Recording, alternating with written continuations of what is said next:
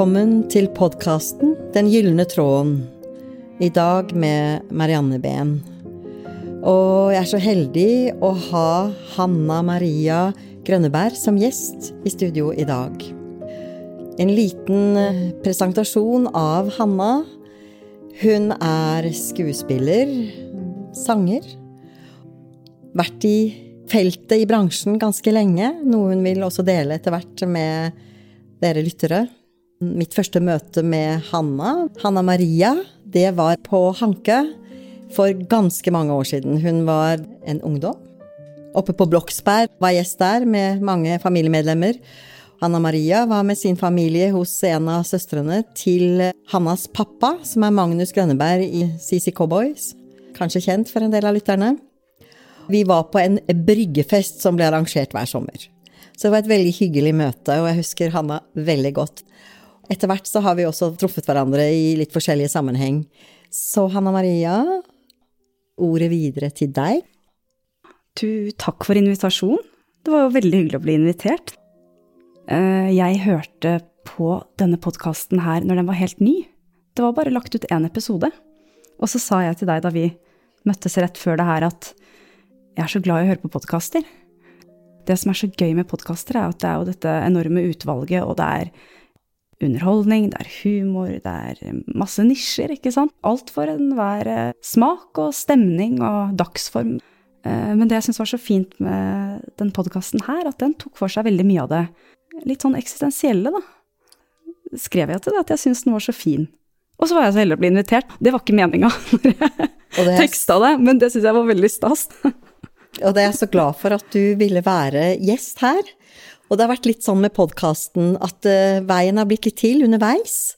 Og gjester har uh, kommet opp for meg. Hvem kan jeg invitere? Og så har det egentlig bare vært en slags flyt i invitasjonene.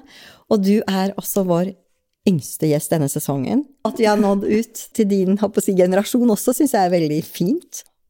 Og kanskje du kan dele litt fra det du er i akkurat nå, og veien dit? Ja, nå er jeg tilbake igjen på Nationaltheatret. Jeg var ferdigutdanna i 2018 på Teaterhøgskolen i Oslo.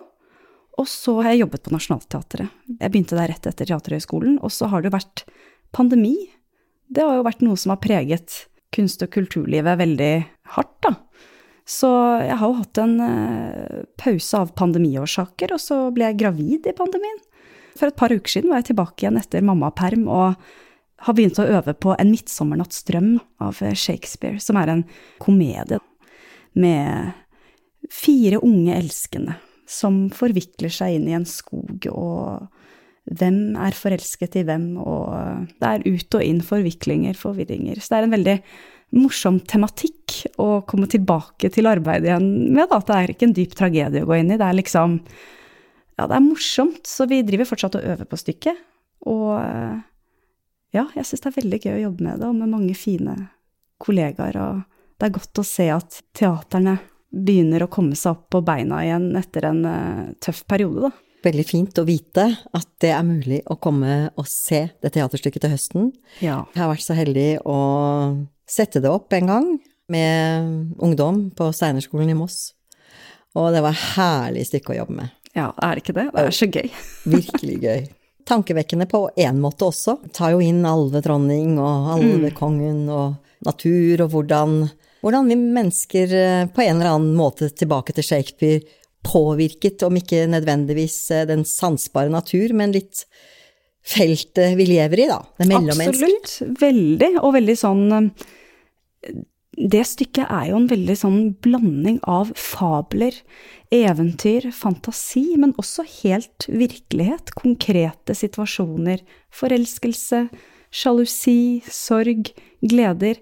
Så det stykket her syns jeg jo, som du sier, er veldig spesielt akkurat på det. At det er, det er et lystspill, det er underholdende. Men det er der, det der krysningspunktet med virkelighet og fantasi da, som kan kanskje håper jeg da vi får til at det kan åpne opp for litt flere tanker om livet generelt, kanskje, enn en, en, eh, bare det konkrete. Det er liksom to lag i det stykket her som er veldig spennende å jobbe med eh, parallelt da med fantasi og det konkrete. være skuespiller, formidle fra en scene. Mm. det å skape dette rommet, da, eller disse større rommene, som nesten noen ganger kan eh, sammenlignes med en katedral. Ja, absolutt.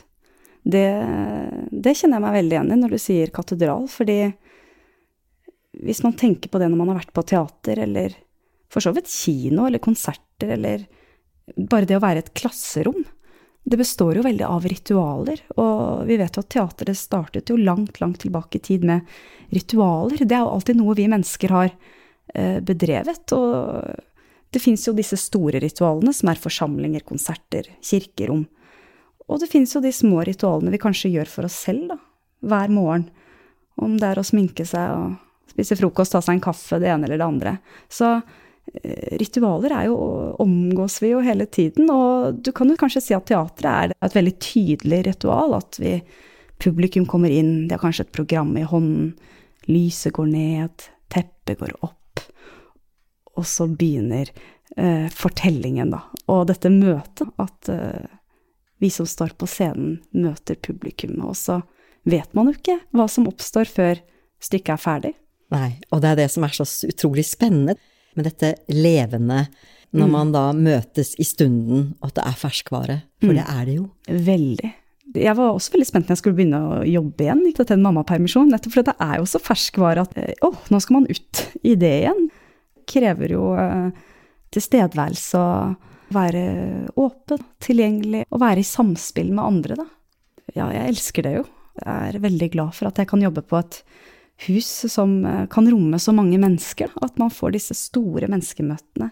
Det er veldig spesielt å, å, stå der og kjenne på når det fungerer, men også når du ikke alltid kanskje klarer å nå ut. Hva er det som gjør at det ikke treffer så bra i kveld kontra en annen kveld? Og det er kanskje nettopp det som gjør teatret mystisk, på en måte. For Mm. når det treffer, både i samspillet Mm. skuespillerne imellom, men også treffer publikum, dette magiske som oppstår, hvor det blir noe mer, hvor det er nesten en overgang, grenseovergang til andre dimensjoner, kall det gjerne det spirituelle, kreative, som jeg føler henger veldig sammen. Mm. Og det er jo derfor også jeg tenker at det nesten er en katedral, eller jeg opplever det som en katedral. Ja. For det er jo det når noe mer kommer inn og fyller ut, på en måte. Ja, det går jo Jeg skjønner så godt hva du mener, for det er den følelsen av at når kunst eller teater treffer, og man greier å treffe, så er det jo den følelsen av at det går litt opp i en høyere enhet. Det eh, samspill som kan romme veldig mange mennesker. Og når man klarer det, å oppnå det, så er jo det Ja, det er Jeg syns det er en ganske sånn guddommelig opplevelse, egentlig. Det er en følelse av at eh, når noe treffer, så kan man kjenne på mye ting som kanskje er vanskelig å sette ord på. For min del, da, som er sånn som deg, glad i kunst og forskjellige kunstformer. Litteratur, film, musikk, dans, teater. Når det oppstår noe som treffer deg, det, det som skjer i det rommet mellom den som mottar opplevelsen og den som gir den, treffer det, så er det en veldig sterk opplevelse. Kall det nesten et bevis. At vi lever i en eh, åndelig verden, da. Og jeg syns det er så fint, for du sa den, den åndelige verden, en guddommelig opplevelse. Og det må jeg jo si, nå, selv om det er en del år tilbake, så er jeg jo også utdannet scenekunstner. Det er noe jeg virkelig har eh, både brent for og gløder for, også med det aspektet. At den samklangen med eh, de som også er deltakere, da, som ser på, men som da aktivt på en måte sjelelig deltar i det som utspiller seg i disse teaterstykkene. Hvordan kunnskap og innlevelse på en måte i enhver rolle er for å kunne nå over. Vi snakket med Heine om denne flyten. Ja. Heine Totland, som jo også var vår gjest i en av podkastene, The Flow, som jeg syns er så fantastisk, og som gjør at man jo ikke blir lei av disse møtene, og i hvert fall ikke når disse gylne øyeblikkene oppstår, eh, og man føler ja, dette var det. Ja, det stemte. Yes. Ja, det stemte. Det er noe som Og det er jo litt sånn overførbart til livet òg, generelt. Vi kan jo, om vi holder på med eh, kunst, eller om vi eh, ikke gjør det, eh, så er det jo den derre når alt stemmer, når alt faller på plass. Det er jo litt det vi etterstreber hele tiden. Å, å være i den flytsonen, da, og være til stede hver gang man begynner på et nytt stykke. Hvordan kan man finne flyten i denne prosessen med disse menneskene, kjemien, forståelsen av stoffet? Hvilken scene står du på? Står du på en som kan romme 600 mennesker, eller står du på en som rommer 200 mennesker? Spiller du ute på et amfi, eller eh, spiller du innendørs? Det er mange innvirkninger som har noe å si, som jeg også tenker har masse å si i livet vårt òg. Hvem omgås vi med? Eh, hvem er nære, hvem er fjerne? Gjør vi ting på akkord med oss selv, eller er vi i flyt eller eh, oppriktig med hva vi faktisk vil gjøre? Og det er en sånn prosess jeg også syns er veldig spennende, og som gir meg veldig mye eh, energi, på en måte, med å jobbe med teater, er den at du får en ny start i hver prøveperiode, som man kaller det da man øver på et stykke. Og da har du åtte uker på deg, og det er en standardregel. Du skal ha åtte uker fra første dag til premiere. Det er alltid nye konsultasjoner av skuespillere og instruktører og teknikere og foran og bak. Vi må jo da som den gruppen finne vår dynamikk, vår felles forståelse av stoffet, og det kan være kjempeenkelt, og så kan det være kjempevanskelig. Det kan eh, være på grunn av og på tross av at ting gikk og ikke gikk, men det å lete etter den flyten, da, lete etter For når du kjenner den flyten, så får i hvert fall jeg en veldig sånn god følelse av at oi, når vi har denne flyten, når vi har dette samspillet, denne kontakten, da er det et håp om at det kan treffe eh, de som ser på, at vi kan eh, nå inn, da. Jeg må virkelig si at det du deler nå, jeg elsker den der dynamikken ja. som eh, nettopp oppbyggingen, disse prosessene man bygge opp. Mm. Og så, når man da er klar til å gå et skritt videre, nemlig å invitere menneskene inn, Mm.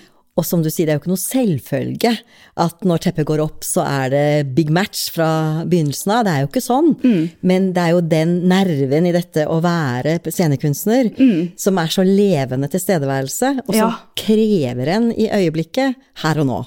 Veldig, og den krever, har jeg reflektert mer og mer over, da, at den krever jo veldig at um, du må gi deg hen. Du må, du må ha tillit på en eller annen måte. Du må ha tillit til de du spiller med, til konstruksjonen bak, til de som sitter i salen. Du må ha tillit til deg selv.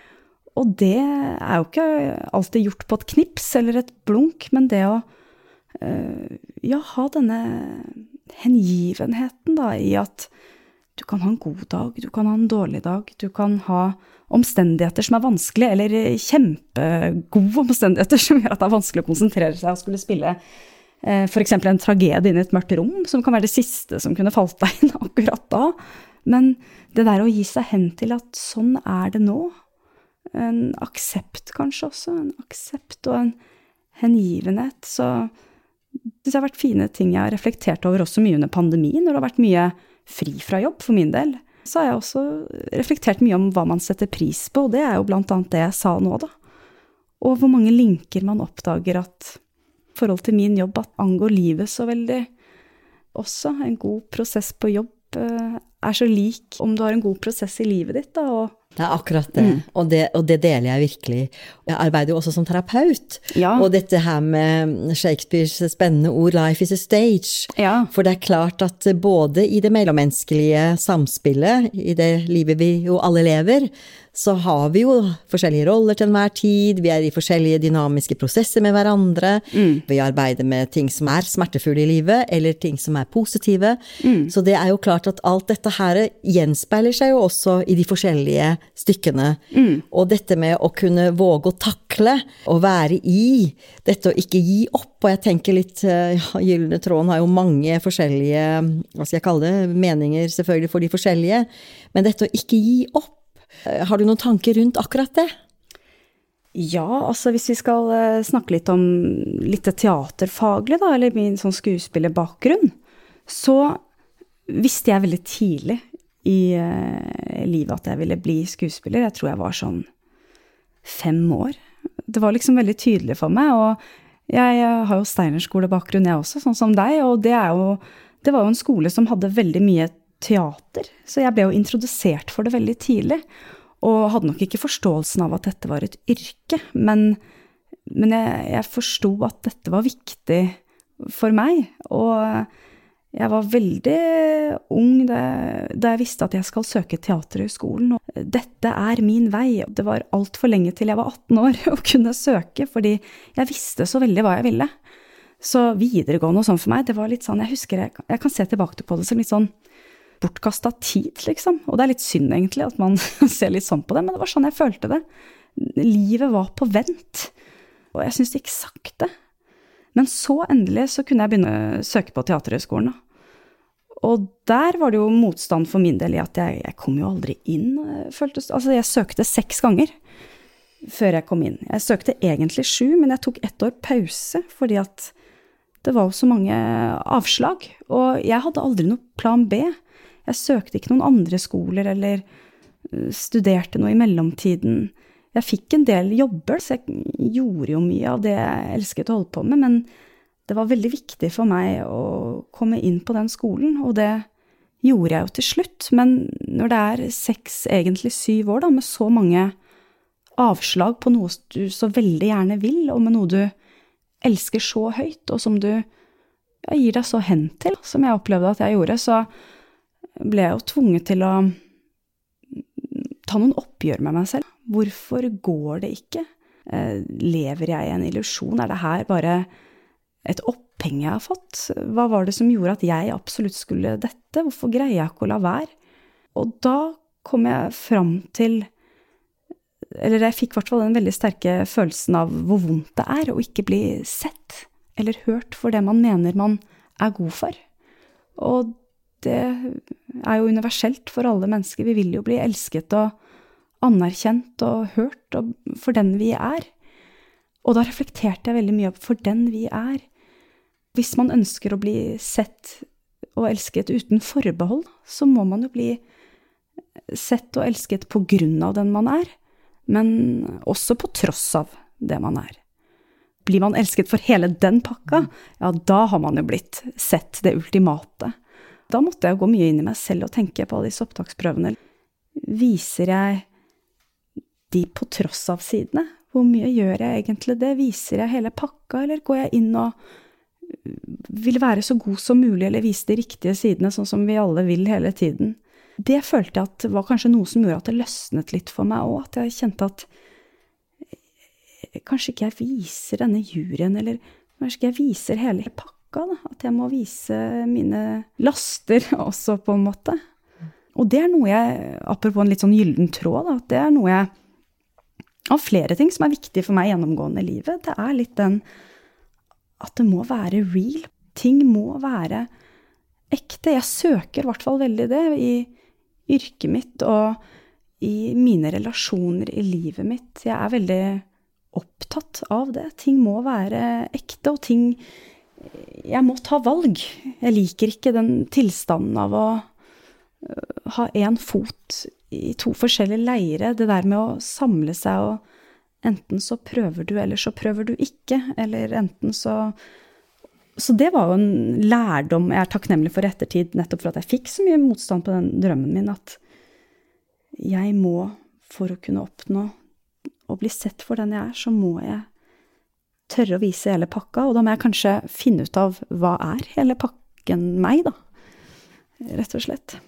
Og jeg tenker det er veldig fint det du deler, fordi det har jo noe med hvem er jeg? Mm. Altså kjernestrukturen. Mm. Fordi når man tillater seg å hengi seg, synke inn, mm. møte seg selv da i det innerste, og finne den, eh, hva skal jeg kalle det, den indre trygghet, da, mm som for så vidt er en, et, en hjertesak, og da, ut fra det, kunne se på det som kanskje ja, man ønsker å, å, å, slippe, for dette her har et mønster som jeg godt kan Ja, jeg ser at det her Det gjentar seg noe som kanskje ikke gjør meg så godt, eller som ikke nærer meg, mm. men allikevel være så ærlig at man våger å se på det man kan kalle skyggesider, så vel som lyse sider, mm. og da blir det du viser meg kjernen din, eller det er hel ved. Ja. ja. Og det, det, kan jo være uh, hardt òg. Det er jo ikke noe gøy å ta oppgjør med seg selv. Eller det er jo ikke noe gøy å se på alle sider og nyanser og, og hva er dine gode sider og dårlige sider. Men, men jeg er takknemlig for situasjonene som har tvunget meg til det i livet. For det, det er veldig konstruktivt, opplever jeg i lengden, og det har gitt meg også enorm motivasjon senere i livet til å ikke ta nei for nei, hvis det er noe du virkelig vil. Ikke gi opp, men start med deg selv igjen. Gå innover, og definer kursen videre på nytt igjen. Mm. Så ikke gi opp, tenker jeg er utrolig uh, fint å høre deg si. For dette med å You gotta show up. Ja. ja. Du må være der. Det å våge, da, å stå der med den man er i stunden, og ikke trekke seg, og heller ikke gi opp, det er, eh, det er livsvisdom i, og mm. en veldig god eh, kvalitet å bringe med seg videre inn i livet. Helt klart. Helt klart. Det, det, er å våge også å stå der, som du sier. Det er ikke alltid hyggelig å se på disse her mindre sjarmerende sidene. Men det er noe også som en motvekt til alt dette som jo på en måte har blitt eh, en del av vår kultur, dette glam-aktige, ikke sant. Mm. Den polerte overflaten. Og du nevnte jo litt dette med pandemien i sted, dette med hvilke verdier kanskje sprang frem da, av pandemien, ja. som kanskje du også har tatt med deg noe, noe, av dette videre? Ja, absolutt. Og det er jo så mye man har alle, alle, sammen, hele verden, har jo måttet tenke nytt og ta stilling til seg selv og omgivelsene og, øh, og noe som kanskje har slått meg for min egen del, da, mer enn andre ting, er den at i starten, når alt var stengt og alt stoppet opp, så var noe av det første jeg tenkte jeg får ikke reist eller dratt og sett store folkemengder, konserter, jobbe, ikke minst. Altså, det var disse store tingene uh, som jeg syntes var frustrerende at var borte. Men etter hvert så var det jo at det åpnet litt innimellom, og så stengte det, og så åpnet det. Og de, i de små hullene der, så oppdaget jeg liksom at jeg gikk tur med hunden min i parken, og de derre små menneskemøtene, det og det trenger ikke å være en viktig person, det kan bare være en bekjent, eller det kunne være søsteren til den, eller ditt eller datt, eller Men de små møtene er jo det som fører deg videre. Det er mennesker rundt deg i det daglige øh, som jeg kjente var viktig for meg, at det hadde vært borte. Det å speile seg i andre. Ikke disse store anledningene eller svære bryllupene eller den store sydenturen, men, men de derre små møtene på butikken eller de tilfeldige møtene, som utgjør at vi hele tiden er i flyt, da, er i gang. Vi, det er på en måte beviset litt også for meg at vi skal videre. Ja, hadde ikke jeg kanskje møtt deg når jeg var 15 år på Hanke, så hadde jeg ikke sittet her i dag. Eller det derre Det at livet får lov til å oppstå, skjønte jeg plutselig at det var jo det som ble tatt bort, hvis vi skal tenke det sosiale livet, da. Ting fikk jo ikke oppstå. Vi måtte planlegge. Har du lov til å ha ti gjester? Du har lov til å ha 20 i jula, men på nyttårsaften må du ha ti, eller liksom eh, Hvor unaturlig det egentlig er i livet, da. Eh, å planlegge. Og, og, da tenkte jeg også mye på hvordan samfunnet kanskje er blitt lagt opp veldig nå. Da. Jeg tenker på de som er 16-17-18 år i dag, ferdig på videregående. Det skal planlegges, du skal bli noe. Eh, du må reise dit, du må få til ditt, du må få til datt. Og så ble det så tydelig i den pandemien at jeg tror ikke vi er så konstruert for det, egentlig. Og det er jo litt mm. interessant da, dette med akkurat dette, og dette med livsvevet, og at den har en eh, slags organisk eh, struktur, og ikke den mekaniske strukturen. Nettopp dette samspillet med det høyere bevisste eller ubevisste. Det er ofte, som du sier, konstruert eller som jeg opplever mekaniske, og hvor godt det var igjen da, altså ja, den mer spontane biten i livet, da. Ja. Å møte på, ja, kanskje tilfeldig, kanskje ikke tilfeldig, mm. og som da gir en brikke i den, eller en, en farge i livsveven vår, eller man finner igjen den gylne tråden, altså, og hva, hva mennesker betyr, da. Jeg ble veldig godt kjent med meg selv fordi jeg var veldig mye alene Ja. i, i, ute der jeg bor, hvor det er stillhet, en form for sanctuary, som man sier på engelsk. Og jeg, jeg måtte være mye med meg, og det var greit. Men gud, hvor deilig det er å kunne være i det sosiale igjen, og, og ta del i den større veven. Mm. Være litt på vei igjen, på en måte. Altså Yes. Ja, apropos flyt, liksom. Det å Ja, det å være på vei. Man kan ikke sitte for mye med sitt eget hode. Nei, ikke sant. Og så bare tenker jeg litt på dette. Du, du fikk jo barn med din kjære Sverre Bjertnæs, som jo er billedkunstner, og også en anerkjent billedkunstner. Ja. Så dere deler jo sikkert det kreative og kunstneriske, hva skal jeg kalle det, det både sarte og dynamiske, når man er da i det feltet, som også er med på å skape mye liv. Og midt oppi dette så fikk dere et lite barn. ja, vi fikk en sønn Ja. som heter Hilmar. Ja. Som er syv måneder gammel nå, akkurat. Ja. Og det er jo et eh, Ja, det er jo livet før og etter det. Du har jo barn, du, så du vet jo, du vet jo alt om det der. Eh, så nei, det er helt fantastisk. Og jeg er veldig takknemlig for denne nye fasen jeg er i livet akkurat nå. Og jeg har litt sånn følelse at man ja, jeg har akkurat født et barn, nesten, men man føler seg jo litt sånn født på nytt igjen nå, for du har jo fått en helt annen rolle tildelt. Man er mor, plutselig. Og ja, apropos igjen, eh, man må jo gå litt inn. Hva vil man gi dette barnet? Man må jo ta litt status med seg selv, sjekke litt opp hvem, hvem vil man være for dette barnet. Og det er veldig fint for Sverre og meg òg, for vi har jo vært sammen i ti år før vi fikk barn. Det er jo ikke så vanlig at folk er sammen så lenge, så jeg sitter jo også på en sånn takknemlighet at vi har jo fått bodd forskjellige steder, vi har reist, vi har jobbet, og jeg studerte, og liksom Vi har gjort mye forskjellig, og så har på en måte vår dynamikk også selvfølgelig blitt helt ny, for nå Hilmar vårt felles prosjekt, så, så det forholdet har blitt født på nytt igjen nå. Nå må vi jo filosofere og snakke om helt andre ting enn det vi noen gang har tatt stilling til før. Så vi er liksom litt sånn Herregud, tenk at vi har vært sammen i ti år før vi fikk han. Nå husker vi det nesten ikke. Hvis du skjønner. Hva gjorde vi? Hva gjorde vi før han? For det er liksom så selvsagt at han er her. Hilmar. Og det er jo rart hvordan man kjenner barnet sitt når det blir eh, født. I hvert fall føler Sverre og jeg det veldig sånn. At vi, vi ser han, og vi kjenner han, og, og det er nesten litt sånn uforståelig at han ikke bare alltid har vært der. Det er helt, eh, det er helt eh, merkelig. Men eh, ja, se, vi har en veldig sånn spennende tid nå, da, vil jeg si. Altså, alt er jo nytt. Første gang eh, går vi jo gjennom han hele tiden. Første gangen han pludrer, eller første gangen han tar ut smokken selv av munnen, eller første gangen han kan rulle på magen. Det er jo mye sånne første gang i livet-opplevelser som man har eh, hver uke, egentlig. Så ma- ja, jeg føler at jeg lever livet veldig nå. Det skjønner jeg. Ja. At eh, det nye livet og den nye muligheten å bli født på nytt, Mm. og gi liksom en helt Ja, en ny dimensjon, da, Ja, til eh, deres liv nå. absolutt. Og det du sier, og det er jo et stort vendepunkt, selvfølgelig, når man Et får stort vendepunkt, ja. Ja.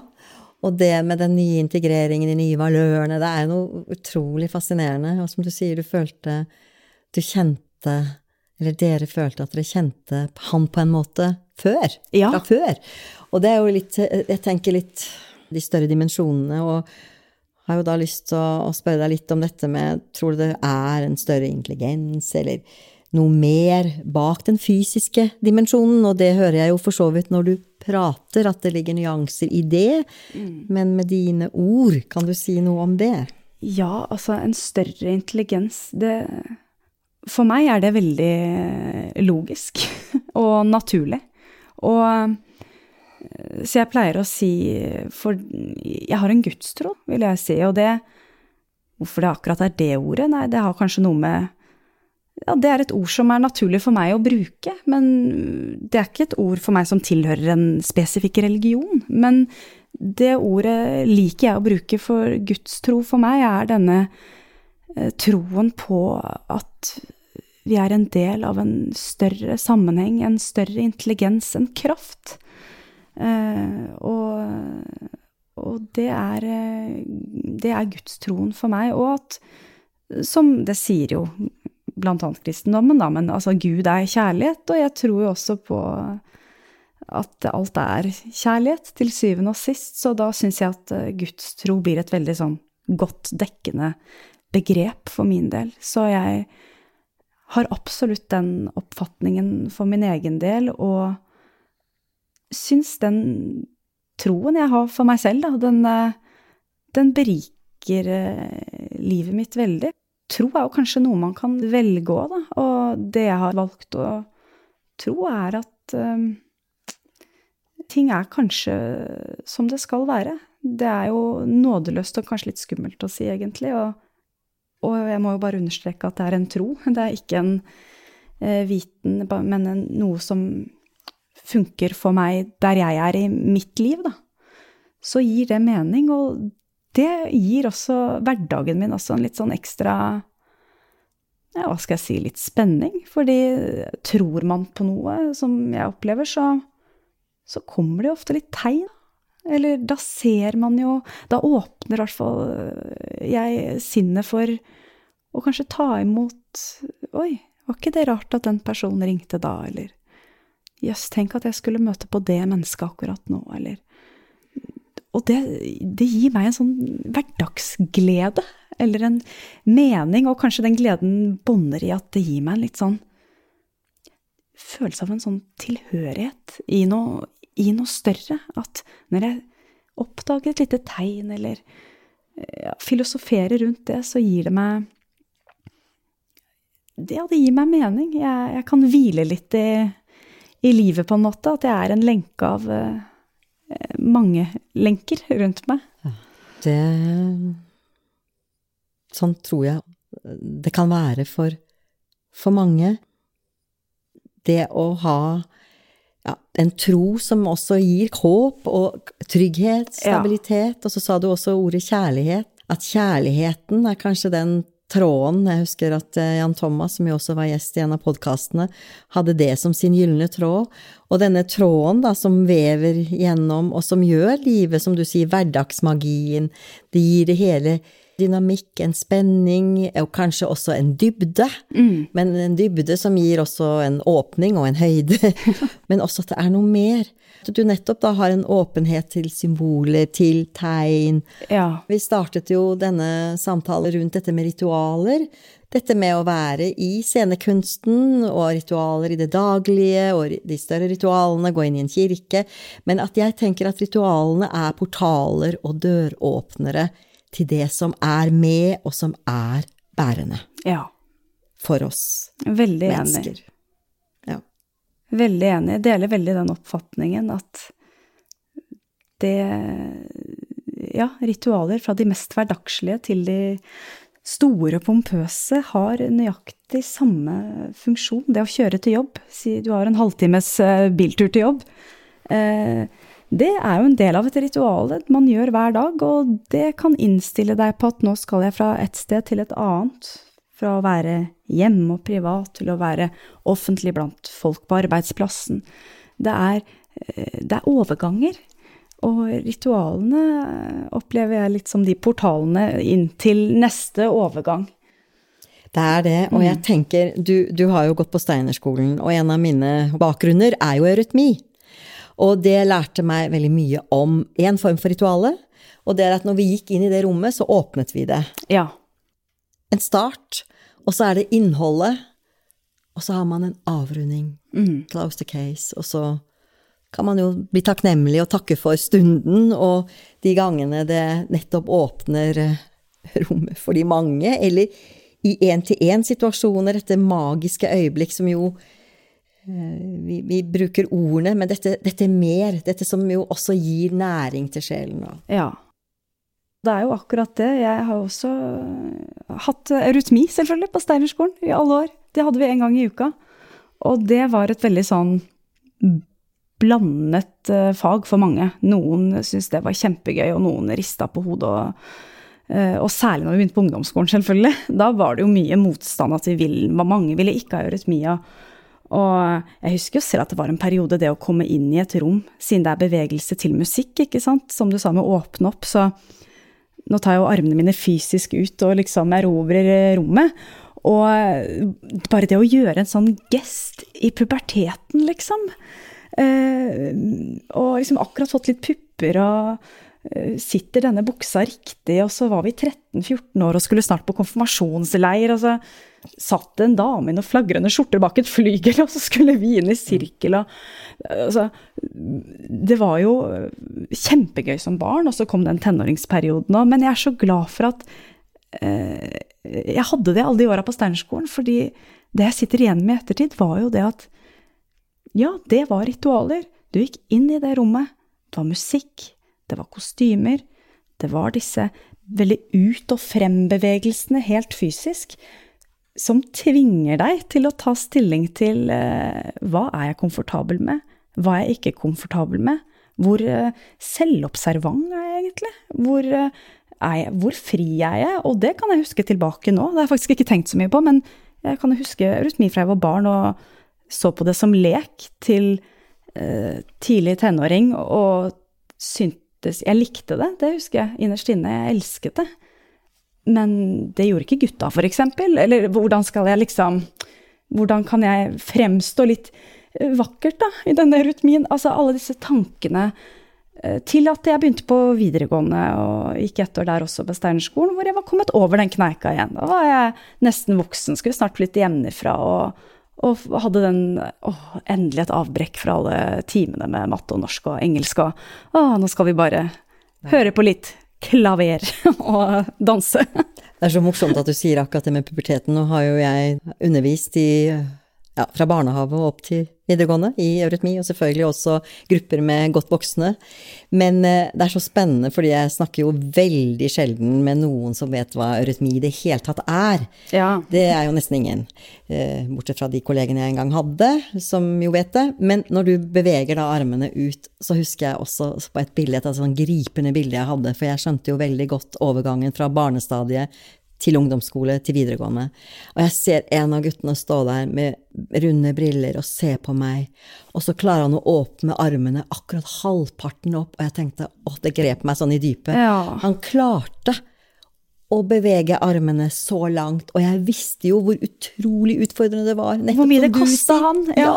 og hvor mye det kostet alle disse oh, ja. når de står i pubertet og skulle åpne liksom for hverandre til det som er med. Det er jo nesten Så, så det, det, var en av de liksom, første opplevelsene jeg hadde med ungdommene, som jo selvfølgelig kanskje begynte å ja, det var mer liv og dynamikk, og gjerne kall det bråk, da, eller støy. Ja. Men det, det, tok jeg så med meg, for jeg tenkte ok, dette må du bare vite. Det er så sterkt å skulle gjøre akkurat det i pubertet. Og så sier du jo så fint også den overgangen videre til livet videre, og da ja. var det musikken. Og fellesnevner er jo ritualet. Ja, det er ja. ritualet, og hva det kan åpne opp for, da. Mm. Jeg lurer så på, har du noen, noen ord du kunne ønske å dele med lytterne våre, som kan være en slags Nå har du sagt så mange fine ting. Det der med ikke gi opp. Å ikke gi opp krever jo en tro. Og om det er troen på deg selv, eller troen på de menneskene du ønsker skal forstå, eller troen på en fremtid, eller på verden Det har i hvert fall hjulpet meg å ta et standpunkt hvis jeg skal ikke gi opp, så må jeg tro. Og i mitt tilfelle har det jo vært litt på meg selv, da. Må tro på meg selv. Og istedenfor å si det veldig sånn prenta inn, du må ikke gi opp, du må ikke gi opp, du må jobbe. For det vet man jo egentlig ikke. Hva, hva er det, liksom? Men som jeg prøver på når jeg i hvert fall har møtt motgang der, er vær så mye som mulig i dialog med deg selv. Unngå å leve på akkord. Hva, hvorfor vil jeg dette? Finn tilbake til liksom kjernen, da, på en måte. At når jeg har hatt det dårlig i livet, så koker det jo ned til å miste litt seg sjøl, på en måte. Hvorfor? Hva vil jeg? Hva tenkte den personen? Burde jeg tenkt annerledes? Burde jeg Men å konkludere, da. Konkludere. Ok, det gikk ikke. Jeg skal prøve igjen. Gjerne prøv på en annen måte, men definer det. Og så ta sats. For går det ikke, så gikk du all in. Og da har det gitt deg noe. Da har det lært deg noe. Så eh, ikke stykkevis og delt. Det er et sånn Ibsen-sitat, så nå, nå, kan jeg ikke det sitatet helt. Men vær deg selv fullt og helt, og ikke stykkevis og delt. Eh, når vi først er inne på teater. Eh, at eh, å ikke gi opp. Kanskje ikke man skal henge seg opp så mye i det, for det er kanskje litt linka til å være flink igjen, eller være sterk, eller Men det der å Være seg selv. Være seg selv, ja. Fullt og helt, mm. og ikke stykkevis og delt. Fantastisk eh, avrunding nå. Og jeg må bare si det har vært eh, en glede, virkelig, Hanna Maria, å ha deg som gjest i denne podkasten. Tusen takk. Og eh, nå gjør vi en liten øvelse, sånn som jeg har pleid å ha i slutten av eh, podden. Så da gjør vi det i dag også. Litt det som kommer i stunden. Dette siste som du nå delte, dette med å være seg selv finne tilbake til kjernen sin. Du som lytter, kjenn litt inn på hva det betyr for deg. Ord kan åpne for noe mer. Ene hånden over hjertet. Når du holder eh, hånden på et område i kroppen, så har det seg slik. Nervesansesystemet vårt, det gjør at fokus bringes til det stedet som du holder over. Hjertet vårt som vi forbinder med kjærlighet dybde, og med den vi egentlig er, innerst inne, som er bortenfor emosjoner, og som hele tiden er det vi kan søke tilbake til, nå inntil. Og hjertet vårt Når vi nå kontakter det, så gir det også en ro, faktisk kan bli roligere, og særlig hvis man gir seg tid til å holde noen minutter. Så er det også slik at nå vil hjertet, og cellene i hjertet, eller hjertet, vil snakke til hjernen vår. Og det blir en uh, samklang mellom hjerte og hjerne. Og det gjør at vi kan føle større ro i oss. Og nå er det sånn at vi har pratet om kjærlighet, og for noen så kan det oppstå farger når vi når inn og møter oss selv i sjeledypet eller i hjertedypet, som igjen bringer oss ut i andre dimensjoner, en kro. Og en del mennesker kan plutselig få en opplevelse av noe rosa i denne sfæren. Og jeg kan ikke la være å tenke på hjertefrekvensene våre som rosa, og hva kan vi se i naturen som en slags tegn, symbol på det, er faktisk nyperosene. Og akkurat nå, denne junidagen, så er det nyperosene som blomstrer. Så nå med det som et indre bilde, så kan du bare sitte fortsatt en liten stund å kjenne på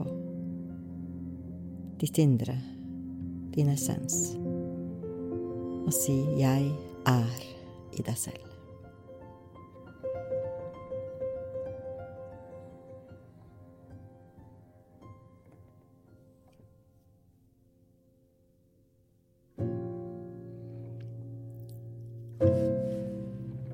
Så til dere lyttere også, takk for stunden.